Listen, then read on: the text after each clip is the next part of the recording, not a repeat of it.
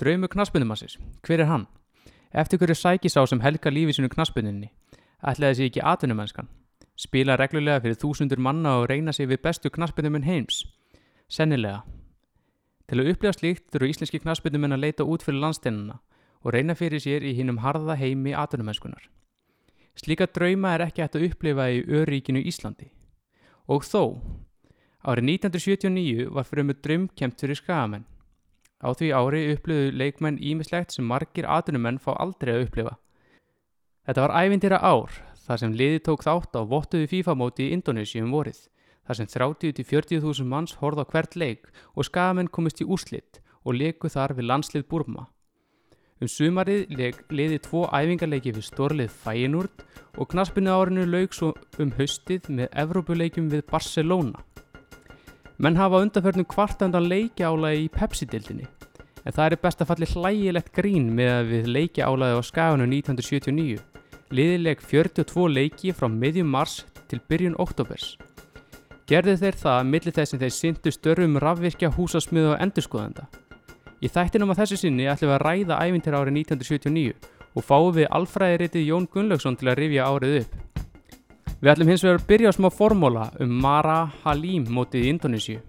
Ég heiti Björn Þór Björnsson, um tæknumál sé Snorri Krislesson, velkomin um borð í Skagarhalistina.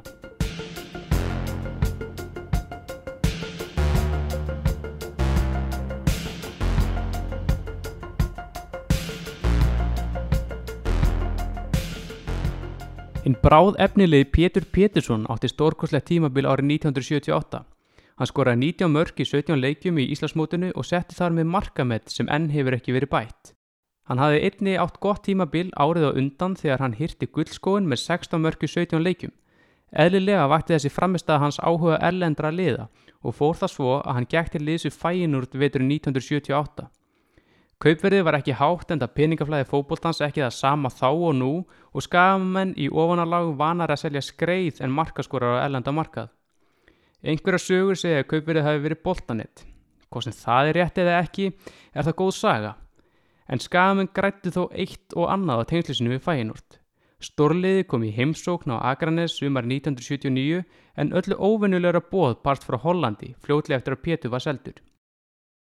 Indonesíska knaspötusambandið var í leit að liði vestur-Evrópu til þess að keppa mótið sem kallaðist Mara Halim byggarinn og í gegnum fæinúrt fengu akurnesingar bóða mótið. Um var að ræða þryggja veikna ferð og var mótið haldið í borginni Medan á norðu Súmötru í Indonésiu með nokkuð einkinnilegri samblöndu af liðum. En ásand liðum frá Indonésiu spiluða mótinu tælenska landsliðið, háskólalið frá Suðu Kóru, japanska undir 23 ára landsliðið, landslið Burma sem nú heiti Myanmar og einhvers konar varalandslið Tyrklands. Knaspindursamband Indonésiu sá um allan kostnaði ferðina, flug skamanna, gistingu og skaman fengu meira segja dagpenninga. Vegleg peningavellun voru fyrir efstu sætinu mótinu, miljón grónur sem er um það byrj 7 miljónir á núverði, öllu var til tjaldað. Þeir hafa eflust klóra sér í kollinum, sveitadrengitin á skaganum þegar þeir sátu á opnunaháttið mótsins í norðu súmödru síðdeis förstu daginn 27. april 1979. Hátti 40.000 manns samankomnir. Maður sem gegnir starfi sem ég ætla að leiða mér að kalla landstjóra Norðursúmödru, Pahalal Tabunan, setur mótið. En aðeglin er ekki á honum. Fólk gjóður augunum í átta manni í heiðustúkunni, óttablandin virðing fyrir fyrrum landstjóranum og liðsfóringja í hernum þegar herin hrifsaði til sin völdin í landinu rúmum áradög fyrr. Mara Halim hétt hann maðurinn sem nefndi móti í höfuð á sjálfum sér. Það er sjálfstrust, ég var að gefa hann um það.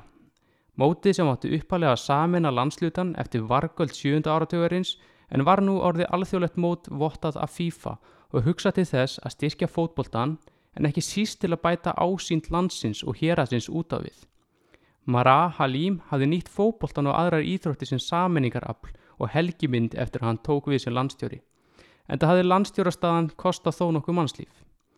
Áhörandaskarinn fagnar þegar helsti skemmti krafti borgarinnar, baki og sis stígur og svið. Hún verður þá á í messunni, tala fjálglega um núverandi landstjóran, áttar sig, begið sig hægt fram og lútir höfðu afsakandi. Heiðustúkunni er ekki skemmt. Hittin eru öllu meiri en við sjáasíðuna á fagsaflóa, Það vantar hafgóluna svo jakkafattaklætir skami ráða ekki við hita lengur og yfirgefa hátíðina. Skömmu síðar heyrist fallpissu skott, blöðrum er sleppt með nöfnum liðana og ævindýri hefst.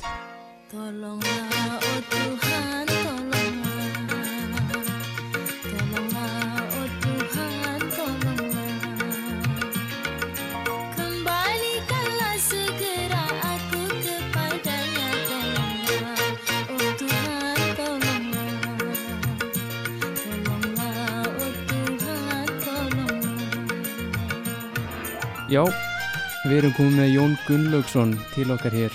Eh, Verður velkomin Jón. Takk fyrir.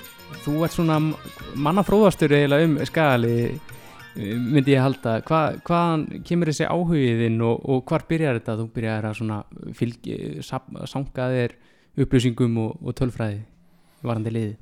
Já, áhugin hefur örgulega verið til staða frá því það var spám stróku bara. Já, En e, það sem að gerði það nú að verkum að ég fór að velta þessu fyrir mér var það að mér fannst náttúrulega þessi saga að vera svo hilluð. Þetta var, þetta var orðið það, það, á þeim árum, þetta er sennilega 1972, þá er ég mm rösklega tvítuður og leikmaður í liðinu og fannst nú kannski ekki, ég er rétti maðurinn til þess að vera, vera að vinna í þessu.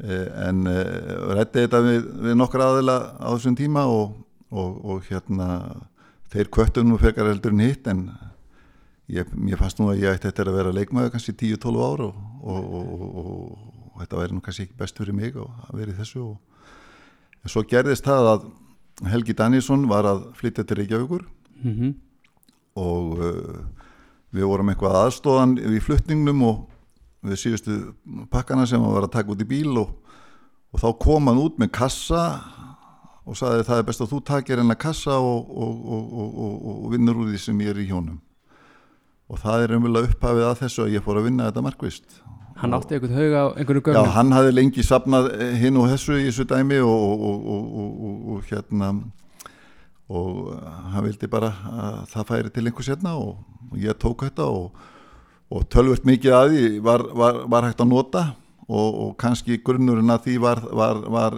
leysustullingarnar og ímislegt í kringu leikina sem að, sem að hérna voru búin að vera á þessum árum og sérstaklega þá eldri. Mm Nú við miðum mynda við strax við 1946, við fórum ekki lengra aftur, þá byrjuði að liða að spila Íslamóti og, og í þetta bandalega var stopnað og, og þá byrjaði, byrjaði ballið, má segja. Já, En e, þetta var nú ekki drosalega mikið dæmi í sjálfu sem við það sem þetta er í dag, en, en e, ég held að liða hafi verið bara að spila eitthvað 350-70 leiki og en þeir eru konin á 3000 í dag. Já, þetta er svolítið, er svolítið aukning en, en uh, þú ertur uh, samt ekki komin enda sem uh, uh, kannski sakfræðingur heldur frekar sem leikmaður á ákveðinu tímabili við ætlum að ræða þetta árið 1979 þegar þú varst að spila Já. Það var mikið svona ævindira ára en það kannski uh, líkur beinast við að byrja kannski á uh, tímabilinu undan og það þá gerðist nú merkilegur atbyrður 1978 að við urðum byggarmestrar í fyrsta sinn og Já. hvað voru búin að gangi gegnum marga byggarúst þetta leikja og tapa þeim voru ekki ekki sjö, 7-8 já, sjö, átta, já. já og hvað varst þú búin að manstu hvað þú var búin að búin að spila þrjá, þrjú ár, 74, 75 og 76.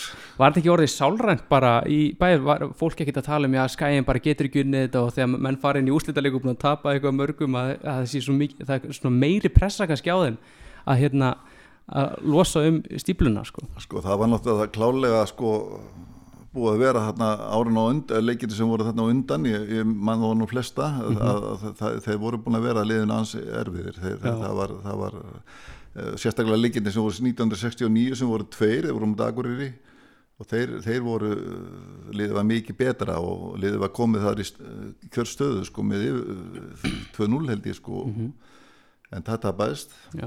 Og það aðlistu þegar þá leikið var að þeir voru leiknir í desember. desember? Já. Af hverju? Jó, og það, á byg, bara það byggðist á því að landsliði fór sko, það var, það var, þetta var allt spilað á haustin. Já. Og, og, og, og mér minnir að sko, í lók oktober þá var búið að spila undarúsliðin en landsliði fór í langa ferð til Bermúta á þessum tíma og það stoppaði allt á meðan.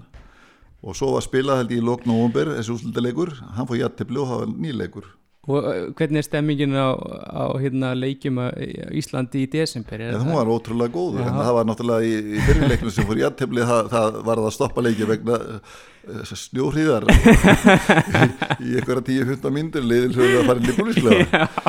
En, en, en leikinu síðan sem komið hann að 74, 5 og 6, þá var náttúrulega liðið sko Íslamestari, 74 og 5 og, og, og leikurinn nú 74, ég held að liðið hafi verið sprungið, það var, það var svo, ég kislaði allt sumarið. Já, já, já. En leikurinn með 75 var algjörslís.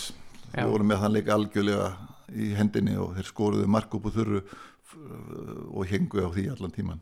Já, og ég, hérna í fyrsta tættunum hjá okkur í skagaralistinni þá eh, kom Benedikt Valdísson og hann sagði að þetta, þessi titill árið 1978 Mm. hefði verið svo sætasti þó svo að hann, hann var ekki spilandi það, hann var aðstofaþjálfari Já. að þetta hefði verið svona sætasti titillin sem mann eftir á Akranissi, tekur undir það var Ég það, er sammála því og ég held að sko liðið hafi sko eh, það sem er sérstættið 78 liðið á, á liðið er að það eru tvö afgerandi sterk lið í landinu, Mhm. Akrans og Valur og það var svona áhaldum að hver, hver myndi taka það. Við höfum tekið ára undan, þetta var sama upp á tenningunum þá. En uh, þeir, þeir unnu faktist mótið á því að vinna okkur í báðunleikjunum já, fóru báðir 1-0 og í leiknum sem var náttúrulega í fyrirleiknum sem var hérna upp á Skaga það skora þeir á síðustu sekundu leiksins. Já, við hefðum átt döða færið þeir fóru fram, allir koni fram og þeir fengu skindilöp og vítaspunni já, sem að koma á markmænin og það var það skild á milli. Já, og svo leikurinn svo í Reykjavík þá voru þeir, eh, það var, hann var spilað held ég viku eða tíu dögum eftir byggarúsleikin og þeir unna hann líka 1-0 já, Eh, þeir voru með á, bygg- á þetta að segja það í dag að bet, besta liðið en, en, en, við gátum alveg meikaða líka sko í sjálfur sér. En það kannski það skemmtilegastöðu sumari var það að þau lenda síðan í úrslitum þessi lið. Mm, og, og, og það fór eins og það fór og annað sem er aðriðstöðu þetta á líka er það að, þá setur agransliðið með sem að stóði til 1993 það er ekkert lið skoraðis mikið einu móti já. eins og þá.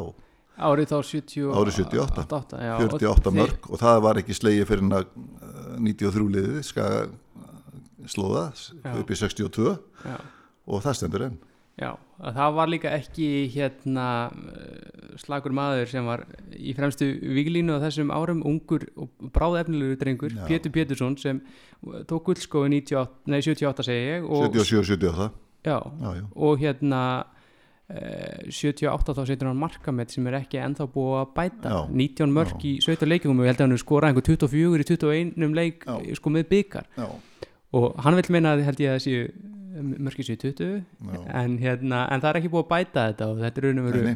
Það er dálítið gaman að ég, sko, ég mann nú getur í sko, umræðum 20. markið en, en, en, en, en, en hérna það þyrfti þá bara að minna menn á það hvaða, hvaða markað er sem er tekið af en, eins og mig gruni að umræðan hafi snúist um mark sem var, var dæmt sjálfsmark já, En ég þekki það að fara frá einum eldri markakomlum að hann, hans heldur ég alltaf fram að hann settir enda markamett á sínum tíma líka. Já. hann heldur ég alltaf fram að hann hafi skorað einu meira. En þeir voru- nefnilega tveir sem voru já, já, þá er þá sko. En hann gæti aldrei bent á hvaða marka var þannig að það- er eins og það er. En, það, en Pétur á þessum tíma þetta er, er þetta ekki einn efnilegasti og svona mest spennandi leikmaður sem hefur komið upp bara á Íslandi? Pétur kom uh, strax að þetta 76 upp Mhm. fyrst og hefði mjög líklega ef að liðið hefði gefið svona stert 75 þá hefði hann sennilega komið upp þá var hann í þrjáleiki sko Já. þá hefði hann sennilega komið inn sko en Já. við vorum bara með svo öfluga sendir að það var ekki þetta að breyta Mhm. en ég heyrði kallinn hann Körbi tala um það að hann hefði áhuga á því að henda honum inn sko já, en uh, hann kemur hérna 76 uh, og hann stimpla sér náttúrulega reykja inn strax og það fór ekkert að milli en það við vissum það alltaf þegar hann uh, Uh, við vorum ofta að gjóða á þessar strákar sem voru að koma þessar yngri, yngri en við sko og við sáum það strax í yngri flokkunum að Pétur myndi öruglega skila sér sko Mhm. ha, og, og hann gerði það nú heldur betur. Og hann og erlendlið sem sínur um áhuga hann fer til fæinu þarna um hausti það virðist vera, það er rosalega áhugi fyrir skamunum bara almennt þarna um hérna veturinn, það er hérna Átni Sveinsson fer held ég út og, og Sveinbjörn Hákunarsson fer Já, Átni og Sveinbjörn held ég seg, Kalli fyrir út sko. Já, ég er að segja að þeir fara Já, út í já, einhvers já, konar já, reynslu já, síðan já, fekk, já, já, já, já, Kalli já, út já, já. alveg og það er eitthvað svona, það er verið að skoða skamenn og það er svona, er atvinnumennskan að hefja stefna það voru ekki margir sem voru hérna í Nei, atvinnumennsku á það voru, það, tíma. voru voru sára fáir á undan, þeir voru hérna nokkrum árum undan, Jóhannes Eðvaldsson og, Mhm. og einhver einn eða tveir aðri sko, en, en, en uh, það, það var mi- mikið, mikið sótt í það og það var voru að koma hérna að skoða það sko, Mhm.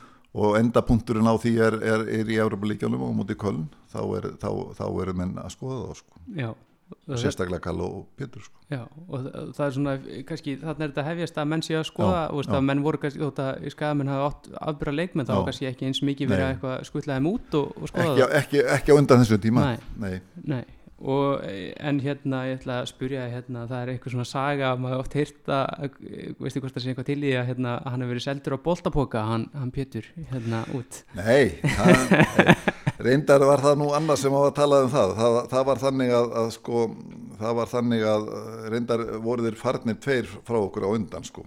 Já. sko eh, í lokásins 75 þegar við erum mistarar og, og förum síðan aðræðum fyrir Európa-keppninar um, á móti Dínum og Kíf sem að er, er bara þá 16 leið úrslit Já, því að það, Já, það er bara- var ekki stærri.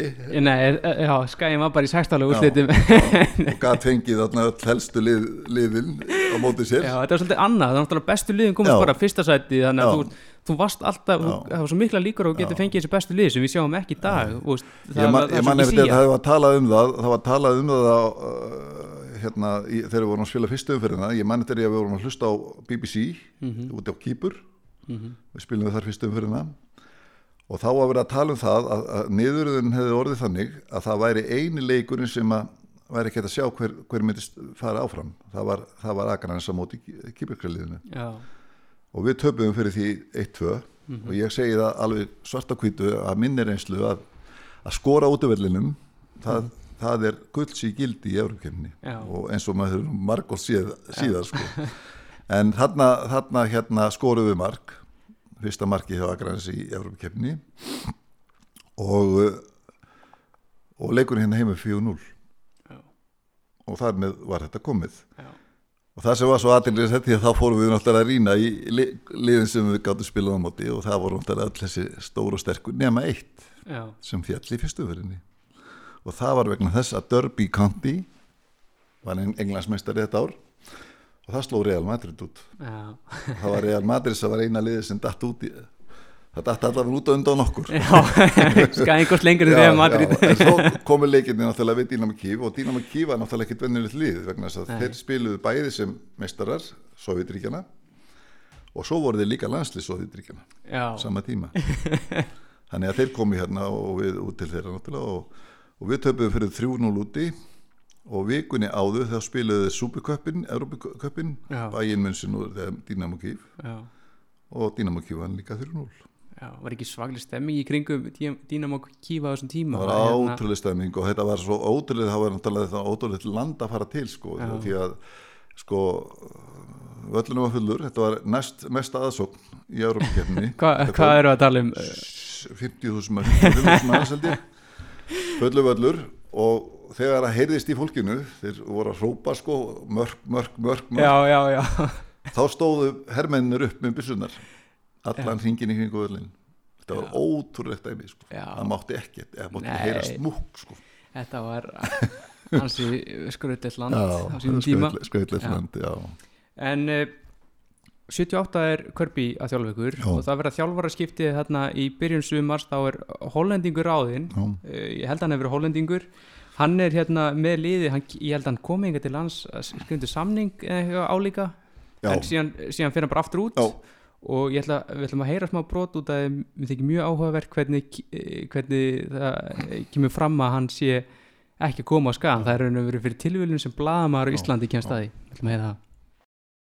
Vísir 27. janúar 1979 Brot úr blaðagreininni Tventi ætlar að láta fylgjast með Alberti Jansen orðin aðalþjálfari.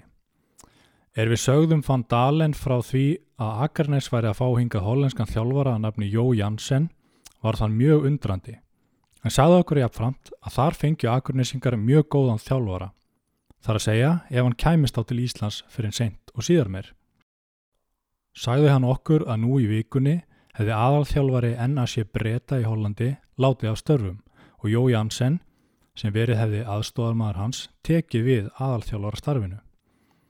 Það hlitið að breyta ymsu hjá honum og hvernig hann ætlaði að koma því heim og saman að þjálfa lið á Íslandi og vera aðalþjálfari atvinnumannaliðs í Hollandi vissi hann ekki. En vonandi tækist honum það því þar fengjum við góðan þjálfara til Íslands. Já, eh, hvernig, mannst eftir þessu? Jú, mér á maður í þetta sko, en við vorum klárlega ekki byrjaðar að æfa. Nei, Uh, Við byrjuðum að æfa kannski svona 15. janúar, 1. februar eitthvað svo liðis, það var misjant, eldri mennir aðeins sittna, Mhm. en uh, við vorum eitthvað rólegir í allavegna þarna á þessum tíma, þannig að, að hann er ekki ráðinn, uh, hann er ráðinn greinilega, en, en hann kemur ekki til þess að Já. þjálfa okkur sko. nei, hann var búin að kvitta undir, held ég sko, ég held já, hann kom til þess að skrifa undir. Já. Já. hérna, já, þetta er svona þetta er svona Já.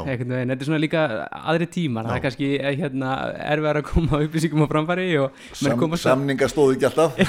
Hvorki Og- leikmannum engi samningar hjá leikmannum eitthvað svona, hann er orðinn aðalþjálfari í ykkur öðru landi en Já. það bara veit að enginn á Íslandi sko, það er svona freka fyndið en, en þá hefst þá aftur leita Já. þjálfara og það er þjóðveri það er þjófuri, Klaus Jürgen Hilbert. Já, og hann hérna það, það, það fór maður undir manna að finna þjálfara þarna. Sko uh, ég uh, rámar í að sko Ómar, Ómar Kristjánsson í, í grói uh, fyrirtækinu sem að var þá sponsorinn okkar. Mhm. hann einminklegast einhvað inn í þetta, þetta dæmi og síðan fór þetta einhvað í gegnum í þetta háskólan í Köln. Já hann var einhvað, einhvað, einhvað viðlóðin það en hann, hann, hann, var, hann var hérna held ég bara svona kennari eða svona Já, professor Já, í slíkum fræðum. einhver, einhver, eitthvað í þessu félagsvísindum einhverjum eitthvað svo leiðis og, og, og, og hann er komið hérna tildulega á skömmun tíma. Mhm. og þá liggur þetta fyrir uh, faktist upp úr þurru að, að liði sé mjög líklega að fara til Ítal, í Indonesia og það þýtti það náttúrulega það þurfti náttúrulega að keira liðið mjög hrætt á stað. Já, ásamt í að spila þessa æfingarleiki sem þá voru Mhm. sem snýrust fyrst og reynst um þessar tvo, tvo, tvo undirbúnismót sem þá voru. Það var næsta meistarkefni KSI sem að eins og er í dag er eitt leikur. Hún var heilt mót þá. Já, það voru þrjú lið sem spiluði Evrópu kefnisliðin Mhm. og síðan voru við Littlebyggj kefni líka. Mhm.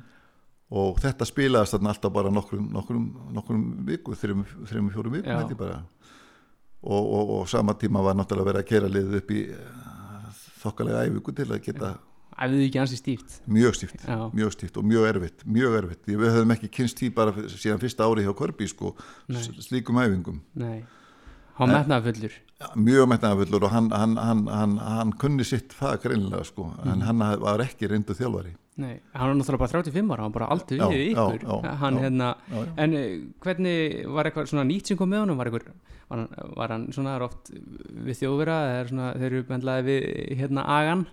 Og, Já, og já, hann hafði, var- hann hafði agan, ægin, ægin hjá hann var mjög góðu legi og, og, og, og hérna, en uh, hann var skraudlugur á margan hátt, skulum við segja, það var gaman á honum, mjög gaman á honum. Hvað þá helst?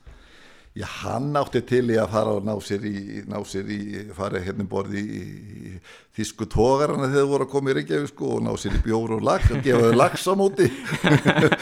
Og lappaði með þetta í landir svo ekkert væri. En, en, en, en, en uh, saman því þjálfurina var engin, engin að hafa áhugjör að einu en einu Nei, en uh, út af hann var ekki reyndu þjálfari hann var komið kannski úr öðruvísu umhverju var, voru æfingar þar einhvern veginn öðruvísi? Það sem merkilegast var, var að æfingarna voru ekkert svipar og, og hjá Körbi Nei, það voru ekkert ósvipaðar. Já. hann keirði á svipu, svipu uh, dæmi, notaði sandin mikið Mhm. eins, og- nákvæmlega eins og Körbi hefði gert. Uh, þetta byggðist uh, langhlaupum. Ég man eftir að það var mikið hlaup á sandinum. Já. helst að vera í sandinum þar sem að þurrastur og erfiðast að hlaupa í honum. Já, og þá var það mjög gjarnan að láta okkur hlaupa á 12 mínútum. Já, hvað við getum hlaupið á 12 mínútum. Já. og það voru einhver tveir og hálfur eða þrýr uh, á enda, enda milli. Já, já, já. þannig að það stýrist alveg mikið um það þarna en, en, en svo þróaðist þetta nóttuða í, í fótbolta og annað og, og var bara ágætt. En þessi sponsor sem við varst að tala um, akkur, akkur var hann að koma einhvern veginn að- að þessu? Já, hann var bara mjög kunnugur í Þískalandi, ég held að það hafi nú snúist mest um það sko. Og svo var það náttúrulega að fara stjórn okkur í Indonesia svo, svo maður líka þannig að hann, hann var áhersamur um þetta og, og ég held að hann hafi nú bara verið að hjálpa þeim sko, gegnum sín sambönd Já, kemur hann þarna inn á þessu hann kemur á árin á undan þetta, þetta Já. eh, 78 ár þá kemur Já. hann á, á þeim tíma Já. þá er þetta, þá er þetta raumulega að byrja með auðlýsingar Já. eh, hérna á búningunum Já, og þetta er svona ákveðið svona, ákveðið svona skref sem við tekið er, ég leikið ekki í auðlýsingu og við leikum með auðlýsingu, jú, jú, sjómas auðlýsingu það var ekki upp í íþróttahúsinu og, og hérna allir hlupu úr snjónum eh, inn, inn í íþróttahús og, og beint í styrtu og, og hann baði maður styrtanir þess heitur svo hektar og þess mikið gufa svo hektar þannig að þetta, þetta, þetta, þetta hann, hann, var, hann var þessu. En, en auðlýsingarnar höfðu reyndar byrjað nokkrum árum áður en, en, en við vorum lengi með ferðarskristóðun og Sunnu. Mhm. hann var náttúrulega var hérna hann Guðni í Sunnu og, og það var alltaf gaman að ég, ég held að það hafi verið fyrsta árið þegar að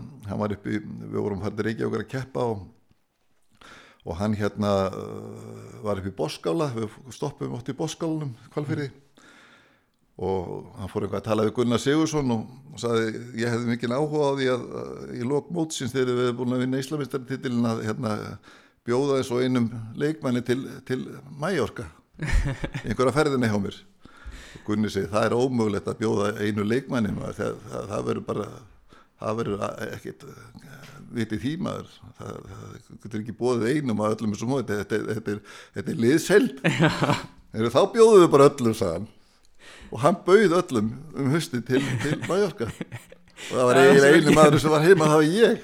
Og ég sagði að þetta var rétt áður að gullu og fettist helviti skulli. já, já, koma þessu tíma. Nei, nei, hann, hann, hann stóð sér vel en, en við vorum með þá auðlýsingu allir nokkur á og svo kom þessi og þá var að koma einhverju peningar sko. Og, og, og, og hérna og hann stóð sér vel, hann var svo með, með þetta í börg ár mar, margar auðlýsingar, Seiko úrin uh, World Carpet gólteppi Já. og ég var líka hvað það voru nokkrar En eh, tungumála svona gunnáta eh, á þessum tíma eh, var til dæmis bara Hilbert, var hann öflugur í ensku Nei. og voru þið öflugur í ensku Nei. eða hvernig voru það það? var náttúrulega, að tala, talað mikið um það á sín tíma hvað, hvað aguninsingar voru slækir enskumenn Já, það var talað um það landlætt það má nú segja að Haraldur Stullursson hafi nú bjargað körbitíðanbílunum já, allavega byrjun, það voru ekki margir sem gáttu talið, sumi gáttu skilið eitthvað sko en, en töluðu ekki mikið sko. En það komst nú ágætlega til skila samt já, það sem þurfti að gera. Haraldur var mikið í því. En hjá Klaus var það nú eiginlega Hörður Helgason. Hann hafði verið í Þískalandi hann, hann kunni tölvist í Þísku og hann varð síðan aðstóða þjálfarinn hans já, já, og Jóhannes Guðjónsson hafði reynda verið í Þískalandi líka og hann gæti eitthvað aðeins talað aðrir gátt ekki talað þísku og hann gæti ekki talað einsku já, það þurfti aðeins að tólka Var það eitthvað vand? já Allt sér. Saman, já, já, já. En þið keftu þarna mjög stíft uh, hérna í litlu byggjakefninni og, og meistrakeppnin á hann farið út til. Indonésiu Uh, það verður svona uh, skemmtilegt eða svona svolítið spögulegt atvik í meistrakeppninni held ég á dramatík móti já, dramatík á móti Keflavík þá hérna já. lappar hérna markmaðurinn út af þetta er svolítið ónulegt aðal markmaðurinn, Aðal besti markmaður landsins Já. já. Já, er, sérst, og til að vera skýrið hérna þá þetta var ekki verið að skipta hann út af Nei. hann yfirgaf já. það var eitthvað stóð eitthvað illa í, í bóli hjá, hjá honum og, og, og það var náttúrulega til þess að Klaus var alveg brjólaður sko. já, var hann alveg trilltur Já. Og, og hann fór uh, það var nú þannig að einn af okkar strákum var í úlingalandsliðinu eða hafði verið í úlingalandsliðinu og hann bent honum á og spurningin við Bjarna. Því að keflingarnir voru, voru ríkjara markmönnum á þessu tíma. Mhm, þau voru bæðið með Þorstin Ólason og þau voru með Þorstin Bjarnason. Þetta voru báðið landslismarkmenn og Bjarni var þarna aðalast upp með þeim 17 ára gammal mhm. og það verður til að að hérna hann fer kefleikur og, og, og nær húnum bara já, já, Bjarni kemur út af því að hérna, Jón hann fyrir Já, ekki með Indonési já, ferðin já. út af bara Klási er bara Já, hann, hann, hann, já, eh, og svo var hann, hann var nú reyndari, eh, minni mig í háskólanum með eitthvað svo liður sko, var, það var eitthvað, eitthvað sem að stóð illa á líka sko, sem að já. Mhm. hjálpaði til en, en já, já, hann fekk hann út af þessu sko. Og Bjarni fekk elskitnina sína 17 ára í þessari keppni sko. Já, og Bjarni átti ansi góða tíma Já, á skanum já, síðan eftir síðan þetta. átti hann er að vera í fjögur, fimm ár sko. Mm en e, mótið hefst í raun og veru á æfingaferð til Indonési og það er svona Já, er ansi einkennilegt að fara til Indonésiu í æfingarferð en ykkur böðst þarna í gegnum fæin úr að fara á Mara, uh, Mara Halim Mara Halim, já. byggarinn sem var vott að móta hjá FIFA sko. Já, já, og, og Orvis viðburður Mhm. Já, já og hvernig, hvernig leist ykkur á þetta þegar þið heyrðu þetta fyrst? Að fara til Indonésiu, hvað, þryggjavíkna ferð eða? Já, já, þryggja vegna tæmlega þryggja vegna ferð. Sko, við vorum ofslega spenntir fyrir ferðinni. Ég, ég heldur við hefum ekkert vitað endilega út í hvað við vorum að fara í sjálfvísi sko. En, en við vorum spenntir fyrir ferðinni. Mhm. og okkur fannst hún kannski fyrst óraunut að við vorum að fara þetta sko. En, en, en svo var vörðum menn nú spenntir fyrir þessu sko.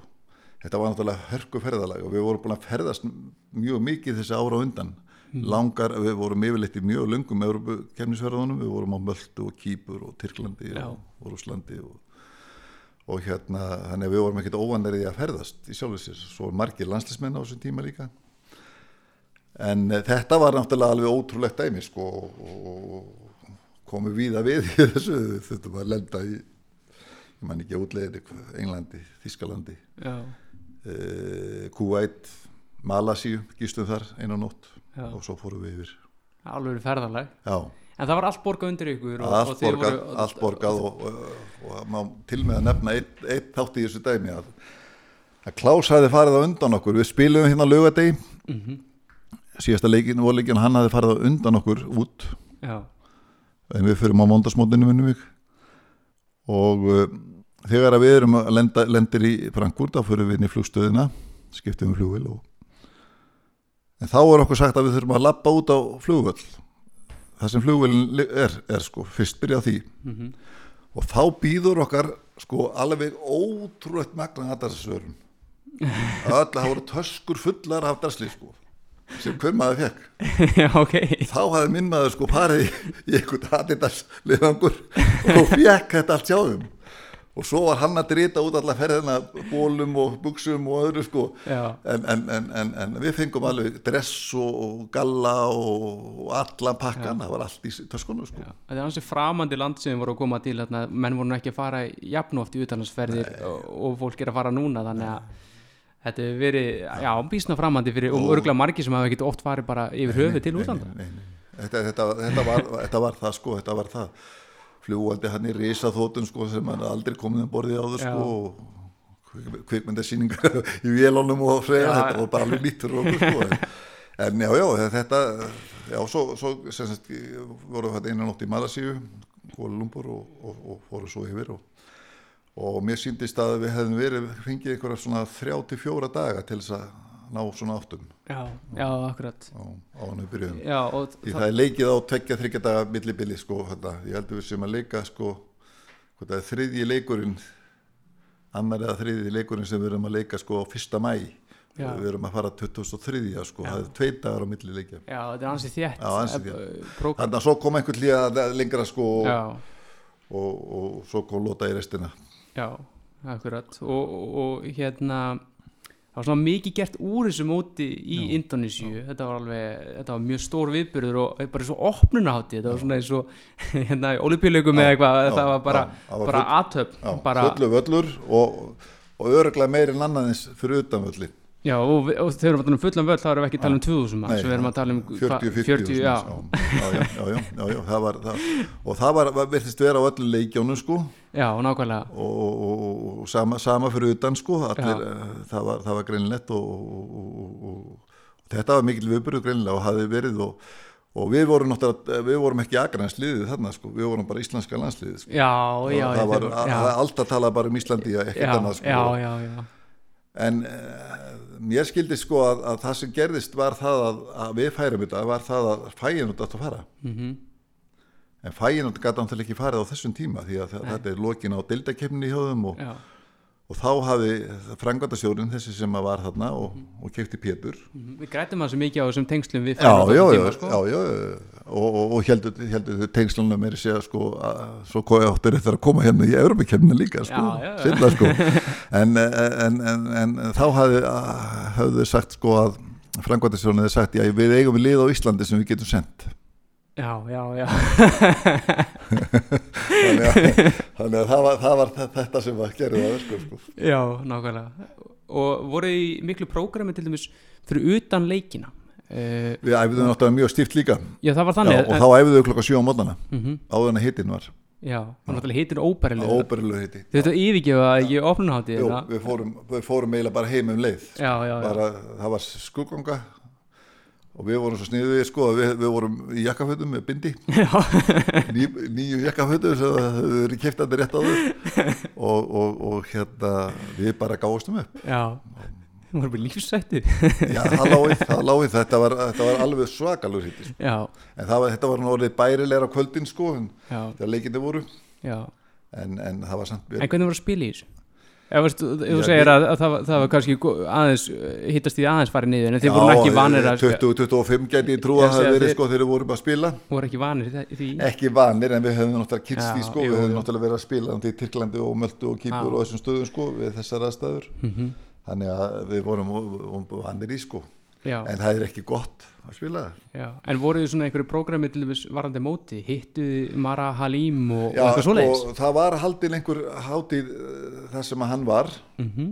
og, og svo var, fóru þeir tölvöld mikið sko farastjórnir það voru svona farastjórnafundir og eitthvað. Já, við fórum ekkert mikið meir en það sko en, en svo var einn af okkar, okkar leikmannum, nei einn af okkar eh, sem voru í ferðinni, hann var fertugur í ferðinni. Nei hann var ekki fertugur, það var þrítugur í ferðinni. Einhver leikmaður?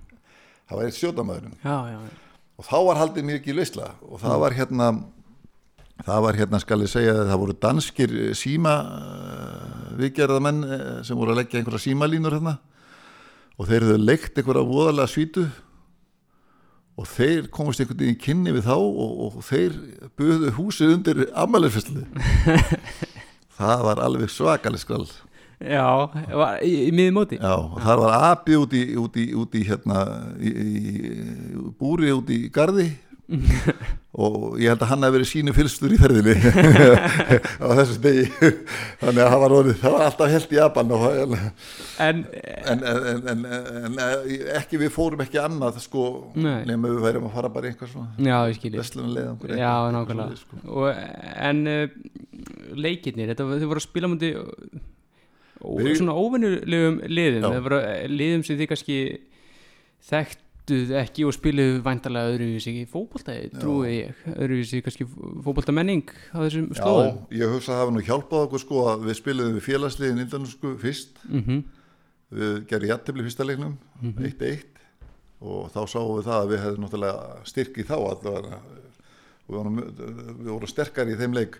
Svo kom setna liðið eh, það var það, var, eh, það fór 5-0 Mhm. og svo komu landsliðin Já, það var fyrst var það Suðurkóruða það var, var stúdendalandslið já.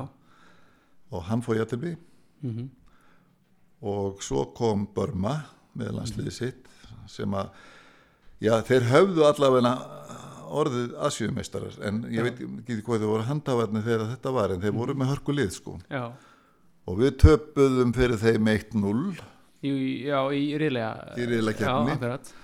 Eh, það var vítaspilna mm ég gerði vítaspilnu og var bara fegin að þurfa að fara heim. Svona eftir að higgja en, en við vorum klárar á því að við varum ekki að fara áfram sko. Nei. því að þá átti held ég Suður Kóran eftir að spila við þetta lýsi viðinu 5-0 mm og sáleiku fór í aðtefli -hmm. og við fórum áfram marktölu Já, og hvernig, hvernig var stemmingin eh, Í hópnum? Nei, bara hérna á vellinum hérna, og, og sérstaklega þegar fyrir að líða á út að það eru 30-40 manns á, á vellinu það var mjög, mjög það var mjög fín stemming á vellinu Mhm. mjög gaman og, og, og það var, það var, það var greinilega mikill, mikill áhugi sko fyrir Mhm. þessu og og þegar við erum að fara sko hérna heim sko við erum bara að fara heim þegar Mhm. við vorum bara þegar við komum að eða semst að við vorum ekkert á leiknum hérna við vorum bara upp á hóteli, við vorum bara Akkurat. að gera klára að koma bara heim daginn eftir. Mhm. þegar að koma einhverja fréttir um það að þessi leikur hafi farið Já, og við vorum nokkuð örgur á því að það hlýtti bara við einhver dómar að minnstu einhver djöfullin því því að þeir vildi bara ekki losna við okkur við vildi láta okkur vera nógu mikið fyrir peningana. Og, og hérna og þá já, svo kemur hann einhver frá mótinu og hann staðfisti það þetta sé svona og, og við séum að fara í úslit Mhm. og þá lendi við í 23. landslið í Japan. Já, og það held ég að hafi verið besti leikurinn. Já. Hörkuleikur við vinnum hann 2-1 Mhm. skora Guðjá Þórðarsson á miðju. Já, þrjum skoti. Mm Átni Sveinsson var nú að eldi í þessari kefni hann skoraði held ég bara í flest öllu leikjunum. Já og liðið vel í Indonési já, hann leiði vel í Indonesia greinlega og, og, og síðan eh, náttúrulega er afgrættur hinleikurinn það, það er sem Börma og, og Bílandsli Tyrklands. Já, og Börma vinnur hann og þá er bara úslita leiku kvöldið eftir. Já, við- já, það er bara einn dagur þegar þið fáið bara fáum við einn dag og við vorum alveg bara, við vorum bara illa þjakaðir sko, Já. bara bæða, bæða, bæða þreytu og, og meðslum sko. og það var reynd að tjastla upp á alla eins og. Já. hægt væri og, og hann stilt upp nákvæmlega sama liðið kvöldið eftir. Já, og það var hörkuleikur já, og við fórum yfir þar mhm, og höfðum þetta faktist í hendinni sko. Já, svo skora Sveinbjörn aftur. Ég held að Sveinbjörn skora bara bæði, skoraði fyrsta markið. Mhm, og, og þá dæmaði það af sem við skildum bara ekki hvað var að gera sko. og, og, engin ástæða Nei. Nei. það bara bara dæmt af. Já, já. já, já. og uh, svo heldur leikur náður og svo jafna þeir það var í setna halvunum þá síður upp úr öllu út af, út af því að það var held ég Átni Sveinsson sem var sparkaði niður. Eh, Kristinn Björnsson var sko, hann var tekinn fyrst sko. Já, og hann, hann, hann spilaði hún ekki nokkra mánuði eftir það sko. Nei. Hann sleit einhvað í Átni tekinn niður og þeir tók hann bara tveir og hent honum út fyrir völlin sko. það var ekkert aðað, það er einhver tveir leikmæði hjá Börma og við erum halvvillisir Já. og leikurinn fór bara í halgjara villisu já, og, og, og það var uppastungurinn það að við myndum bara lapp út af. Já, en það voru nú einhverju sem róuðu það niður. Já, en við, við náttúrulega hétum því að, að, að hérna, við myndum þrauka. Mhm, við færum tækjum framlýninguna þetta var dottið í framlýninguna alveg. Mhm, og við myndum þrauka. Og ge- gefast ekki upp. Nei. Og það var úr og við heldum út framlýninguna já, töpuðu svo já, og þá held ég, mér minnir að við mistanda fyrstu tvö vita já. Og það voru vítaskiptunar okkar sem klikkuðu sko. mhm. Mér sem minnir voru mér minnir að það hafi verið Siggi Lár og, og Þórða sem já, ég, já, ég gauði held ég að Guðbjörn Tryggvason skoraði Mhm. og, og Kristján já, en þeir, það dögði ekki það þurftum ekki fleiri sko þeir, nei, hvernig, þú tala um domgæsluna þannig að var hún eitthvað var, já, hún var hún var daldið öðru seldir það óttum að venjast.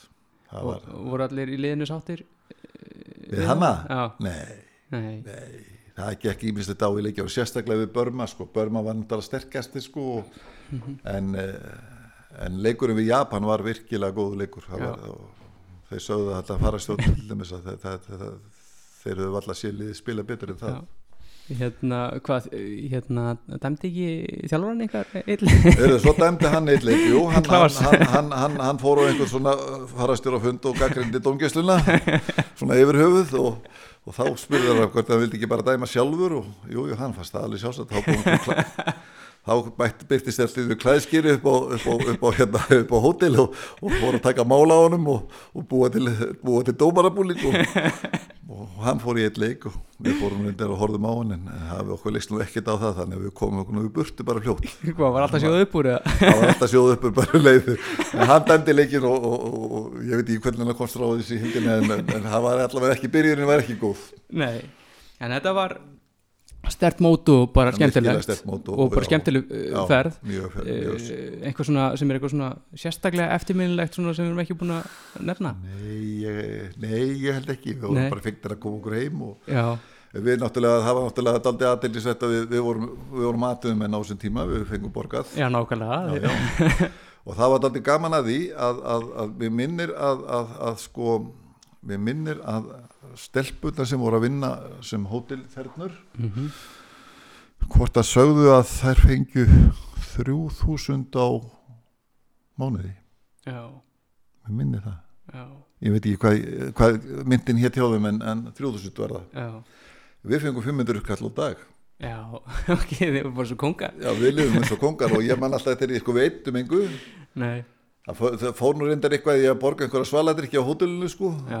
sem við vorum svona alltaf áhaldum hvort við ættum að borga það ekki sko. Já, en ég held að eh, eitthvað hluta verulega félum hefði, hefði farið í það.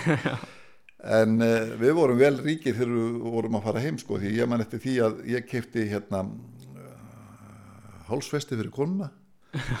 Ég held að hann hafi kostað 50.000 já, ok þannig, að, að 500 kallin játi á daga hann, hann hann gerði drjúgt sko því að við, fór, við reyndum að eyða öllum penningunum sko áður við fórum úr landi sko. voru líka fín eh, hérna, velunafið var alveg töluvert. Velanlega fyrir, já við reiknum það út í fyrra uh, þegar ég var að skrifa þetta greinar um inn á síðuna að, að, hvort þetta væri meina hálf miljón það, ég þetta, var dólar, að dæmi sko. Já, ég held Það að var nú einhver- hafi fengið eitthvað Já. 5 til 7 eða eitthvað, ég man ekki hvað það var. Já, já, og það var, var lítið eftir. Það fór megnið í veit ekki að það er á hótelinu. Já, en þið komið heim eftir þetta mót, þryggja vikna mót, er búið að spila stíft og þið bara, þið varla eru lendir þegar Já, byrjar að spila mótinu, við vorum menn ekki lúnir.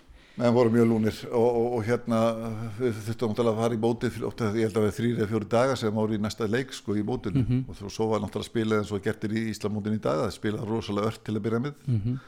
og, og, og hérna við, við förum til keflaðugur fyrsta leikin Mhm. í Jattibli og vinnum við Káar manni eftir. Mm og svo kemur skellurinn sem átti eftir að eða leikja sumarið það var tapið á mútið haugum Mættu haugum, voru eftir haukar voru þá í fyrsta skipti í deildinni. Já, og við töpum fyrir þeim.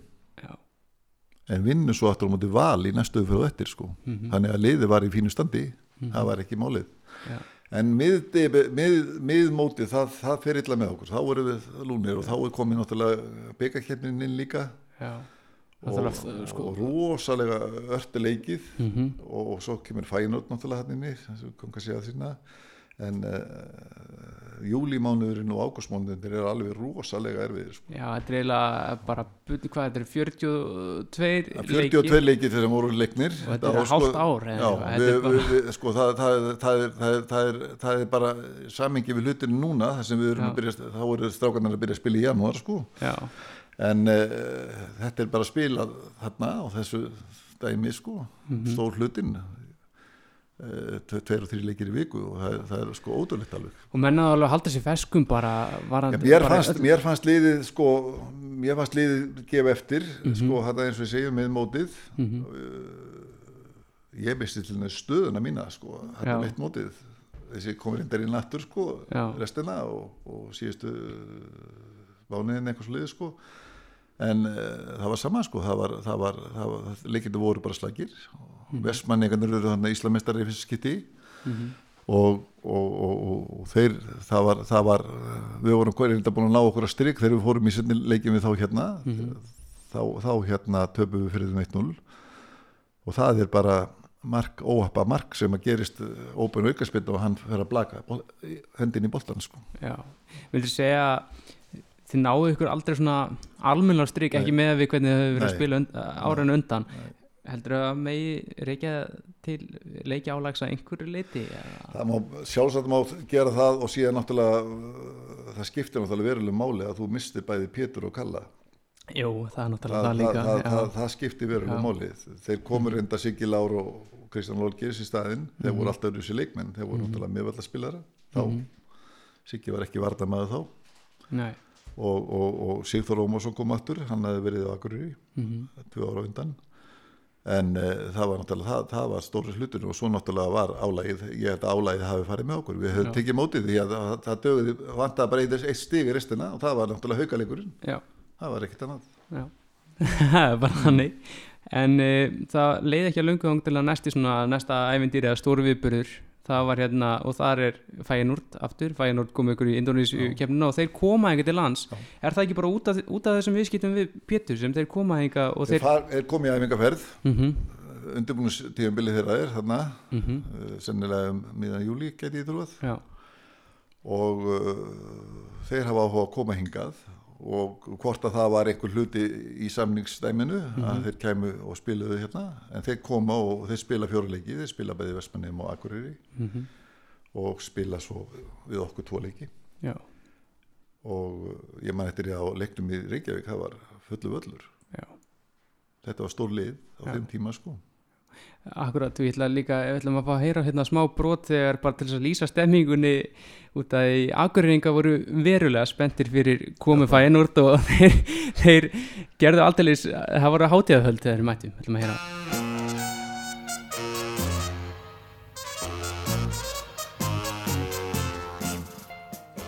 Fæinord leikur við Káa á Akureyri í kvöld.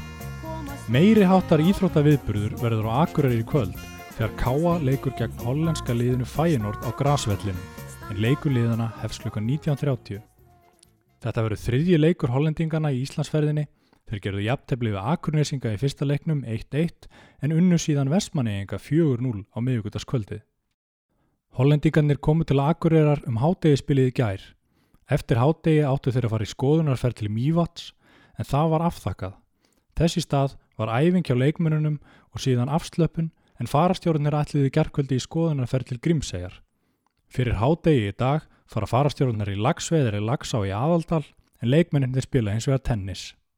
Fyrir leikin í kvöld mun Lúðrasveit Akureyrar leika og tveir fallígastökkvarar, Sigurður Bjarklind og Steindór G. Steindórsson munu svífa niður á völlin með íslenska og hollenska fána og þeir munu enn fremur hafa keppnisboltan meðferðis. Er hann gefin af umbótsmönum Adidas í Reykjavík og Akureyri, Björgvin Skram og Fríman í Gunnlaugsinni.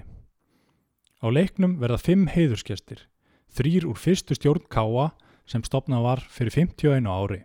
Tómas Stengrimsson, Jón Sigurgeirsson og Helgi Sjött. Haraldur Sigursson, núverandi formaður Káa og loks Sæmundur Óskarsson, formaður Káa-klúpsins í Reykjavík. Leikurinn hefst eins og fyrr segir klukkan 19.30 og mun Árni Stefánsson koma frá Svíþjóð og leika í marki Káa. Í hálfleik verður hlaupið 200 metrar hlaup Karla og Kvenna með þáttöku landslýsfólks Káa. Að leik loknum verður lokahóf í sjálfstæðishúsinu. Kalla því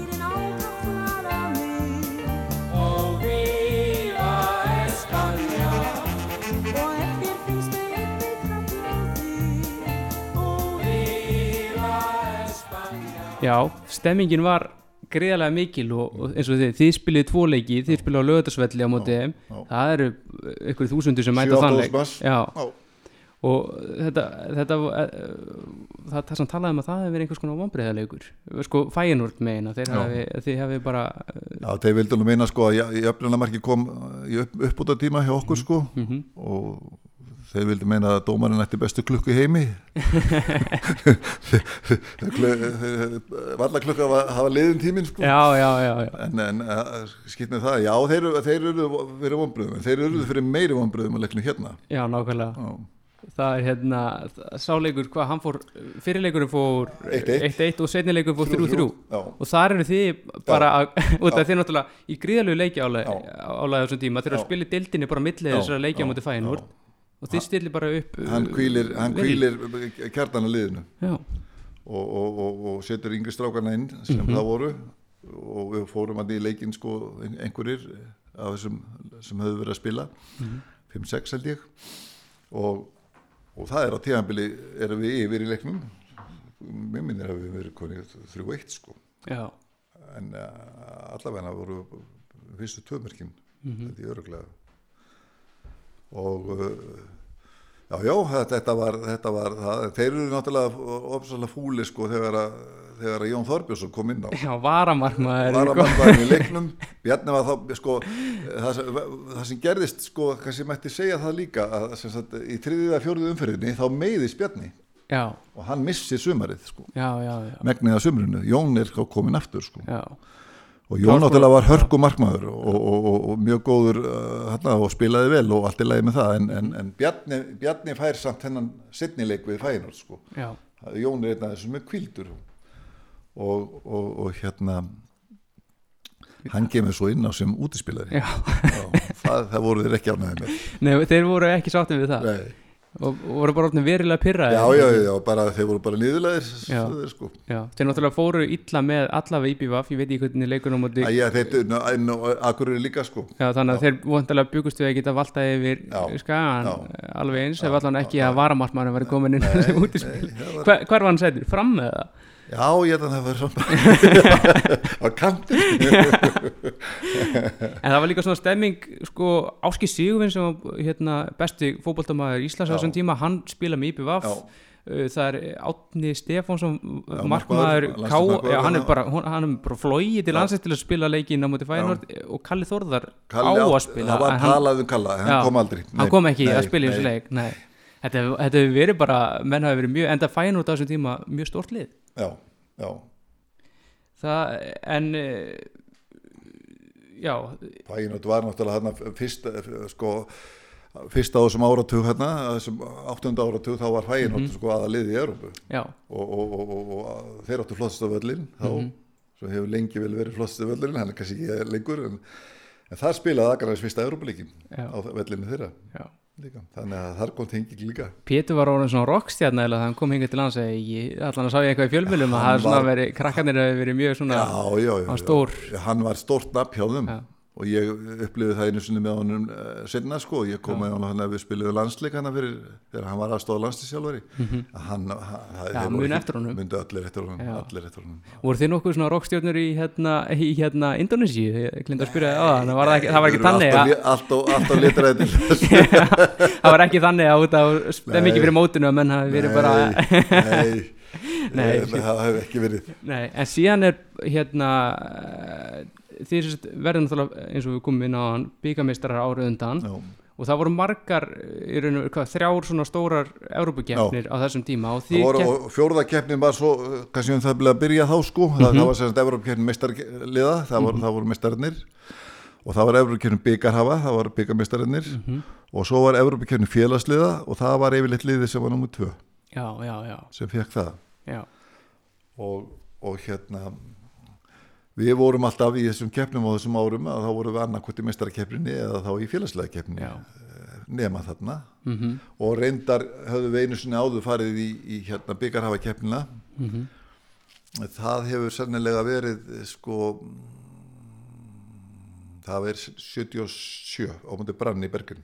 Já, þá er, þá er sko Valur Íslamestari og við töpum fyrir þeim byggarleik já, við já, fengum byggarhafa já, keppnina ég skil en, en öðru, uh, ég held að þetta hafi komið þessi stað að hafi komið upp til en, en við erum sem sagt í við erum sem sagt í byggarhafa keppninni hérna, þegar, þegar, þegar við komum sem sagt Barcelona. Og eins og ég eins og við komum inn á það er svo skemmtilegt að þessum tíma, sérstaklega fyrir Ísland sko, Mm. að það, menn geta bara fengið bara stærstu lið Evrópu engin hingað. önnur. já, engin, það bara, þú gast fengið og við drögumst á móti eh, Barcelona, já, það er heldur betur stóra lið. Og hvernig, eru þau smekir eða fannst ykkur þetta skemmtilegt eða, sko það, það, það, sem að kannski var, var það skrítast í dæminu var það að árin á undan flest árin á undan þá voru þessi stóru lið að koma hingað. Já, Real Madrid hafði komið hérna. Mm það var hérna reyndar, Liverpool kom ekki. Liverpool, Nei. sko, fór í káeringana. Þegar fyrsta skipti sem Íslandslið fór sko, það, er, það er mikið fyrr sko. já, já, já, en það var til dæmis Everton kom Mhm. Tottenham kom uh, svo komu Þískuliðin það búið sér að Mönsiglæbak það var mestari Mhm. uh, það, var, það var hérna það var náttúrulega uh, hvað ég heitu öllu, Real Madrid náttúrulega kom hérna svo kemur þarna Barcelona þarna í fyrst skipti svo áttu þau bæði eftir að koma aftur sko. Eh, þannig að það kom hann ekkert á óvart. Það var náttúrulega þessi spurning hvert þú er að fara fyrst og fremst. Og þá, þá náttúrulega erum við að fara á einhvern drullustæðin ennþá ein, einu sinni sko. Það sem okkur fannst kannski þessi löngu ferðalag. Og þetta spilaði líka sína rullu sko, hvort þú varst að fá stórlið eða varst að fá fullan völl. Já. eða, eða ekkert sko. Og, og, og til dæmis sko í þessum eh, þegar við förum inn í þessi stórlið það má segja að það hafi gerst bara með Köln og, og Barcelona sko. Já, og, og, og svona ár eftir ár og svo kemur Köln aftur árið eftir sko, á þriðja árinu sko. og, og, og, og, og hérna, þannig að það kom okkur kannski ekki óvart. Hamburger var að spila á sama tíma. Já, nákvæmlega, sama, og á þessum tíma Já, einmitt stórlið. Kevin, Kíkan að spila með þeim og, Já, en það sem er kannski svo uh, sérstættið þetta ár er það að, að sko þarna eru þeir að sko þegar að, að hinsbetarkemnis árum voru Mhm. eins og 78 þá eru þeir að kaupa stóðstjörnunar þessi lið Mhm. eins, og, eins og Barcelona og Real Madrid sko. Og skiptu svo út fyrir næstu haustarkefni sko. og þannig hafði það gæst að þeir kaupa tvo af heitustu mönnum Evrópu já. og þeir eru að spila þetta ár. Og þú ert að tala um hérna já, sem er eini Norðurlanda búin Já, sem er unni hérna gullknöttin og, og svo, svo Hans Krengl austuríska markamaskínan sem var svakalegur sko. mhm, og, og, og, og þeir eru að spila hann að báði með Barcelona, þeir eru stóðstjörnuna þar já, á þessum tíma, svo voru þeir með nokkra Spánska, náttúrulega, landslismenn, fyrirliðin var, var spánsku landslismæður og svo held ég við segja að þeir hafi verið með, með hérna einn frá Argentínu, já, ég bara man ekki nafnið. nei, Þetta voru svona þessi stóru nöfnin. Svo var eitt sem að maður myndi líka eftir að hafi verið valin í heimslið einhvers liðs, Rexax, já, sem sem kom inn á og jafnaði. og skora, Nei, skoraði já. Skoraði sigurmarkið í Reykjavík, sko. Hann kom inn á og skoraði bara í leið fyrstu spynnum. Já. Já.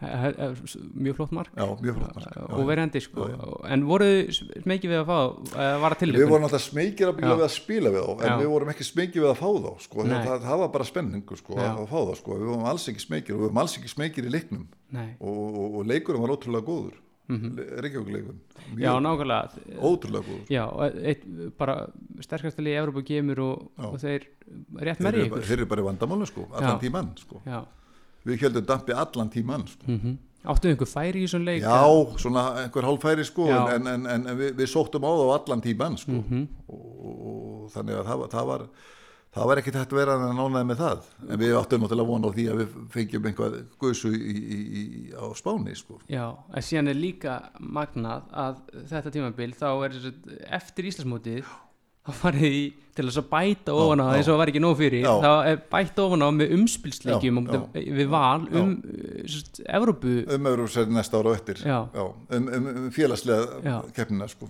og, og þetta er spilað þannig að þið, hvernig, þetta, þið eru bara að spila sérst, við Barcelona og þessa umspilsleiki Já. einhvern veginn bara í sömu vik er Európa-leikinu sagt, sem sagt fyrirleikurinn spilaði á miðugudegi minni mig mm síðan spilaði við val um helgina já, svo spilaði við val aftur helgina og eftir já. og förum beitt út í sinnileikin sko. þið spilið sko já, 22. við val Já. 27. Já, við Barcelona já, en heima Já. segjum við setnileikum út í val það er hérna hann er spilaður 2009. það er Já, setna já. og síðan Já. eh, hérna spilið setnileikin úti 3. Þriðja já. það er bara Það svona hafði allt sumarið verið já, voru menn ekki tilbúin gefa smá slaka til þess að fara þegar maður er að fara Þetta sko, snýrist um Európa-kemnina sko. Valið var í Európa-kemninu líka og Já. þeir voru líka fann sko. það, það, það gekk ekki og svo voru landsleikir og nýta líka sko. þeir voru mann bara þetta er, held að vera Holland og, og Östuðiskan sem voru að spila hérna á þessu tíma líka. Þetta var bara kakkaða leikjum. En hver, þegar komið út til Spánar. Voru þið ferskir eða? Já, já, Já, við vorum ágætlega feskir við okkur fast þetta náttúrulega að vera daldi yfir, yfir þyrbandi sko. Mm sjálfsagt var það náttúrulega vegna þess að við vorum á hótel hérna eiginlega við hliðin á vellinu sko. Við sáum völlin mjög vel sko. Já, þú erum smá svona smá fyrringur Já, já, það var fekk svona aðeins svo æfðu við nú að leika eitthvað velli þarna hliðavelli sko en, en svo náttúrulega tókum við loka æfingunar á, á, á aðavellinu og það fannst okkur náttúrulega alveg svakalegt sko. Já, en mér fannst nú sko leikurinn í sjálfu sig var náttúrulega yfir strax sko þeir, Já. náttúrulega það gekk ágætlega að dekka og annað í fyrirleiknum sko en þeir bara dróðu sér tilbaka og komu svo bara með, með hraðlest sko í gegnum þetta sko. Já, já, og hann enda 5-0 það er enda fyrir nú við sleppum Nei, en það það þótti ekki slæm úslit Nei, sko. nei, það er bara, ég held að menn myndi vera sátti við það í dag bara, bara, bara. ég held að ég, ég held ekki til því að En segja. þið farið út af öllin, hann að fræða heimavöll voru, var það sérstætt? Fyrir framann alltaf þess áhörendur já, mér fannst það sérstætt Já, já, það var margt sem var mjög sérstætt sko. Og það byrjaði nú strax í búnisklefunum en búnisklefunum er náttúrulega alveg svakalegi sko. Já, það var bara svo heilu íbúð og, og, og, og svo náttúrulega er margt sérstætt þarna. Kapellan var sérstök til dæmis það sem þið byrjast fyrir fyrir leikina. Er hún, mann er réttið útgangin bara. Já, ok Þið hefði ekki kíkt ángað inn Já, við kíktum inn að það sko en við fórum ekki dangað en, Nei. en uh, svo náttúrulega útgáf, uh, útgáfur á völlin þá gengur upp tröppur sko og, og inn á völlin og, og manni fannst það það var ekki mikið áhörundum á þessu leik sko Nei, Nei. Það, það var samt alveg slatti, það var 20.000 manns Já, En- jú, jú, það en- þóttu hann ekki mikið Nei, nei, svo sem hann er, reynda, sta, hann er stærri Hann er svo í svaklega stór að Já, það já, að að hann er stærri í dag en hann var sko ég Já, held að það verið bætt við einhver, einhver saði minn einhvern Já. tímann að það verið bætt við 20.000 áhörundur Já, sko. það var 100.000 manna völlur áður og er einhver rúmlega eða vel það Nei, er já, er hann ekki 100 ás í dag? er hann 100 ás í dag, Já, eða svo liðis það- hann hefur verið já. 80 stáð, það var Já. eitthvað svo liðis sko. En, en uh, mennum fannst þetta hjákvæmlega sko að það voru með, með okkur konurnar og, fleiri sko sem voru Mhm. með okkur að úti sko og þær fengur ekki að sitja saman eins og sko. Það var eitthvað, var úður á stofunir það var raðað þannig í sætin. En eh, ef lítið tilbaka, þetta þeir eru bara eins og einhverju atvinnumenn, þetta tímabil, í raun og verið farið í þess að hérna, rosalegu reysu í efingaferð, spila á móti Feyenoord, spila á móti Barcelona, 42 leikir yfir tímabili, er þetta skemmtilegasta tímabili sem þú spilaði eða va- var þetta kannski bara hörku púl? Já, ég hugsa að megin og segja að þetta sé, sé nú skemmtilegast tímabili og þetta lítur náttúrulega að vera aðeins þetta tímabili sem Akraðin spila líka sem að vinnur ekki byggar sko. Mm -hmm. Þetta, þetta var náttúrulega mjög sérstætt ár í sig sko. en e, jú, ég myndi nú halda að, að þetta hafi nú verið eitt stærsta ári sem maður spilaði Já. það voru náttúrulega menni finnst náttúrulega öll árin sko sérstök sko því Já. náttúrulega þetta er svo mikið sigur ár þessi ár sko. Þú, ert aldrei neðar í dildin eða þriðja fjárðarsæti sko eða þú ferð svo neðar Mhm. neðarlega oftast í fyrsta eða öðru sko. Já, en um, já, jú, þetta er, þetta er árið náttúrulega 74 og 5 vorum það feikilega öflug ár. Og svo verið það mistara 77 sko sem kemur kannski óvart því að við erum fjóru stegum eftir val þegar það eru fjóru leikir eftir. Já, og tveggjast eða reglan sko það var ekki auðvilt, þeir gerðu bara vinnum já, nákvæmlega. og, og það þurfa að fara eiga í restina til að ta- takast titilið meðan þeir eiga að spila við vikingina heima sko Já. þeir gerðu vinnum En hvað myndir segja samt að, hvað stendur upp úr? Hvað myndir segja að hafa verið skemmtilegast að þessu, þessu ári, sko uh, á þessu ári á þessu ári?